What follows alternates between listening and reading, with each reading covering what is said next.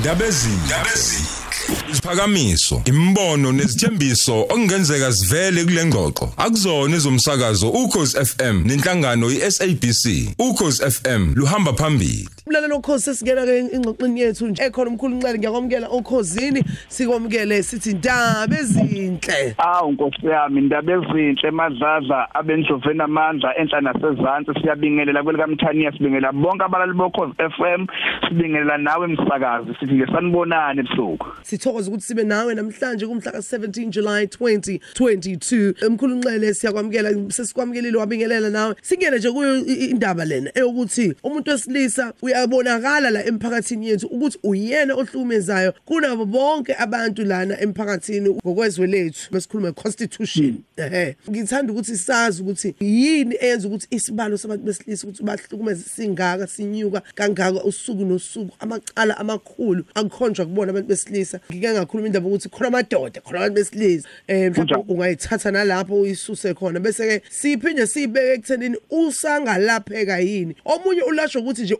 uyamreport uyabona? Uyahlukumeza umuntu uyamreport umuntu aphaphame la la esuke enza iphutha khona alungiseke. Omunye kudinga ukuthi ke athathe inyathelo ethize ukuthi uyaboshwa ke manje. Eh omunye kube ukuthi usangalapheka ayeke into ayenzayo. Kuningi. Hey madlaza nabalaleli bonke bokhozi sithinta indaba enkulu ngoba ngenyanga yabesilisa sithinta udaba labesilisa. Le ndaba yokuhlukumeza njengoba kukhothwa kuthiwa abantu besilisa bayisibalo esithe xaxa ekutheni bebhekwe njengabantu abangabahlukumezi noma abahlukumezayo. Baningi ke abantu besilisa ekuhlukene kaningi madladla. Kukhona umuntu wesilisa ozohlukumeza njengoba vele isigangi. Ehlukumeze nje eyisigangi enze zonke izinto ezingekho emgqeni ngokuthi mhlambe uhamba nabangani abarong kakhulu. Manje naye useze waphila impilo yabangani. Impilo yabangani yingakho sasisho isilungu qala sithi uma ufuna ngikwazi ngempela eh ngikhombise abangani bakho uma ngizokwazi ukuthi wena uhlobo luni lomuntu kufanele ngibone ngisho ebanganeni bakho ukuthi abangani bakho bawuhlobo luni.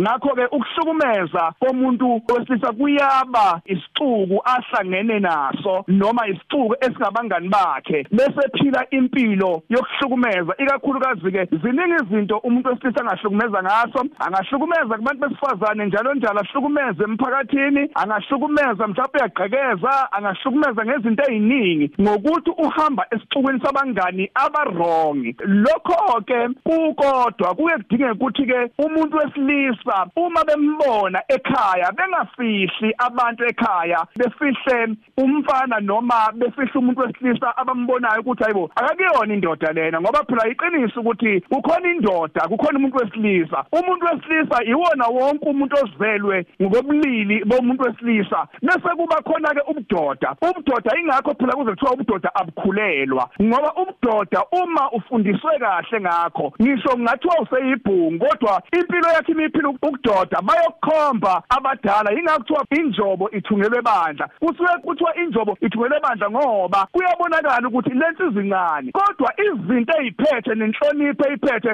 nanokuhlonipha abantu nje nokungaphezulu kwayo okobudoda lokhu ebenzayo ngakho ke lo muntu lowo ke uma ekhaya bembona ukuthi kunomfana la ekhaya ophuma endleleni abangamfihleli abammize bemtshela ukuthi emfana wami uma ufuna ukuba indoda akuphilwa kanje. Indoda kahle kahle iphila kanje kanje kanje kanje. Akuchaze konke ukuthi indoda iyayihlonipha. Indoda ayitholakali ezindaweni ezizixongololo zalapha okunenhlukumezo khona ngoba lokho akusho ukuthi indoda kusho ukuthi wena umuntu wesilisa. Bese ke madladla size ekutheni ke omunye umuntu wesilisa uyahlukumeza kanti indlela akhule ngayo inzima. Abanye abantu besilisa bayakufihla ukuthi kwabona uqobo make badlwengulwa kwabona uqobo lwakhe umuntu wesilisa uke wadlwengulwa manje wathi indoda ikhayelela ngaphakathi. Wayayendlala lento ukuthi ebuncaneni bakhe wadlula eyimene kanje. Manje umekhula ukhula unaleya enga embi yokuthi sengathi angenza into eyenzeka kuyena eyenze kwabanye abantu. Manje ke zonke lezo zinto ezinjalo madladla ziyashaya. Yeah. bese kwathi lokhu buke madlala kukhona ke ukuthi ukhule ekhaya vele ke angeke sikufihle. Yebo. ukukhula kuleli ekhaya kuyabonakala insizwa ikhona kodwa insizwa zaleli ekhaya uyashiwo kuthiwa akukho insizwa eyokime kuleli ekhaya niyoze nife nina ninje ungekho insizwa kunina ungekho lutho nje kunina. Ngakho ke zonke lezo zinto lezo uyakwazi umuntu wesilisa enziwe imgilingwane uma ikhala khile enziwe imgilingwane ezomdunga ingqondo. Kube sengathi into ayenzayo uyenza ngoba eyazi kanti yenza ngoba engayazi waloya wathakathwa wenziwa yonke into engasile ukuthi aphile impilo engekho kuyena eqhutshe lesi silwana afakwe sona kunjalo madlala Hey ose uyabona nje usukhuluma ngobugebengu ukuthi ukukuhlukumeza umphakathi lokho. Kakhulu. aya ya uyabona ukuthi ukuhlukumeza kuhlukahlukene ngendlela abantu besilisa esesibonile ukuthi bangahlukumeza ngayo ukuhlukumeza ngendlela abakhuluma ngayo baphinde futhi ukushaya nokudlwengula nobugebengu. Ukuhlukumeza lokho. Konke kuma kwamacala njengoba usubekile kodwa akusho ukuthi ke manje uma umuntu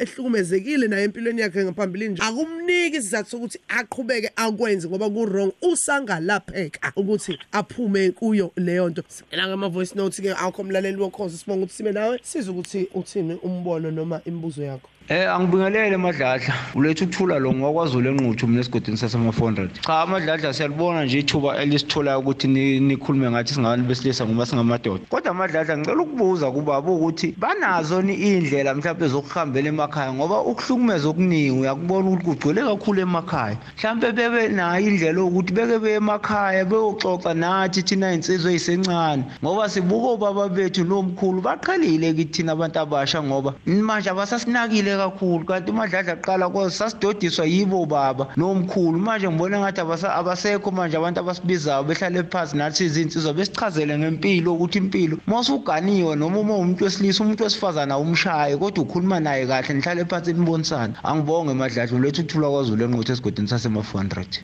Sawubona madladla. Ngicela ngibuze lapha komkhulu ukuthi kuyenzeka yini umuntu wesilisa afakwe izilwane zokuthi ahlukumeze noma nje enze izinto ezingasile emphakathini? But uthola ukuthi akahlali engqondweni. But into bese yenzile abuye azisole ngaleyo nto. Kuyenzeka na? Kube njalo? Nkosi yami ngifuna ukudlula kulobuze ekuqaleni ebuza ukuthi basekhona abantu abangobaba noma nje abadala abangahlala phansi nezinsizwa ezisakhula ukubuyekeza noma ukuxoxa mayelana nobunsizwa noma nobudoda. Lezo inkundla zisekhona kuukuthi ke angeke ngande kakhulu kodwa ngifisa ukudlula la kumuntu wesilisa. Umuntu wesilisa namanje ngisasho kumele ukuthi uma umndeni noma ihlobo zimbona ukuthi ngathi khonto angayenzi kahle lo izinto azenzayo ngathi ayiqondile. Bese bembiza bemhlalise phansi. Ngisho ngabe kuthiwa unentombi noma unonkosikazi bembiza bemhlalise phansi ukuthi ke awume eminyango uphethe wena induku. Uthi uzolungisa ngenduku endlini. Induku ayizange yakhe kodwa induku yabhidliza into eyenzakalayo uma umuntu wesifazane uthandana naye ke ngikhulume nje ukuthi uthandana naye uma uyintombi kuthiwa unkosikazi uma umbona ukuthi njengamanje ungena emandleni okuthi manje ngikhombane naye phuma mshiye. Phuma lapha khona mshiye. Yebo. Ngoba angeke sakufihla ukuthi inhliziyo ayiphakele ukuthi wenza into errong ngalendlela esimanga phuma umshiye uzobuya bese uyamtshela uhlale phansi naye ukuthi uyabona lento yenzayo ayenziwa kanje kanje kanje. Umuntu wesimame madladla nabalaleli uyohlezi uwena umuntu wesilisa uma uthandana naye uyohlezi eyinto enjengeqanda engaphasaka noma yinini yebo. Ukusho ukuthi kufanele kumphathe kahle ngoba iqanda mulidedela liyaphasaka. Uma usumphathe kahle mphathe kahle bese uyamtshela izinto ongayifuni. Yebo. Ukuthi lezi zinto awuyifuni. Umuntu wesifazane akashawa madlala uma umbona ukuthi usenza izinto ezimbi ngalendlela ngawo ukuthi ukufaka emfuthweni ngikhelise umshiye ekhuluma kuze kuse uma ukuthi uyokhuluma kuze kuse phuma hamba. Yebo baba yebo mkhulu. Ah kunjalo kunjalo madladla mshiye ngoba uzokufakwa izinkulu izinkinga ezinkulu izinkinga nento encane kufakwa izinkulu izinkinga udonsa iminyaka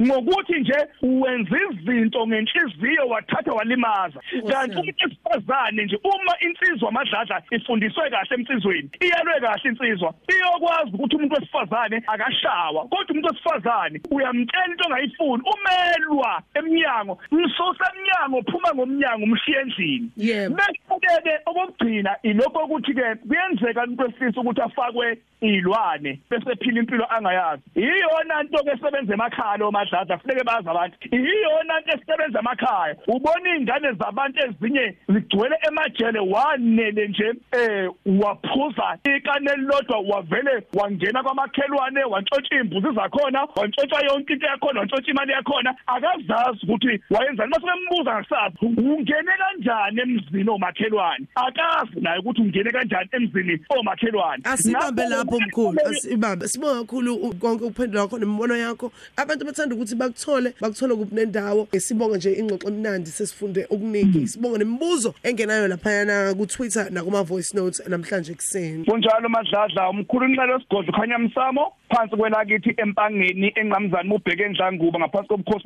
bakwamzimela lapho engitholakala khona lapho engakhe khona. Ngitholakala ku-076 824 24 u-076 824 24 ikhasi lakwa-facebook umkhulu unxele instagram umkhulu unxele utiktok umkhulu unxele makwande makukhanye usuku oluhle eh isonto elihle mkhulu Nxele siyathokoza.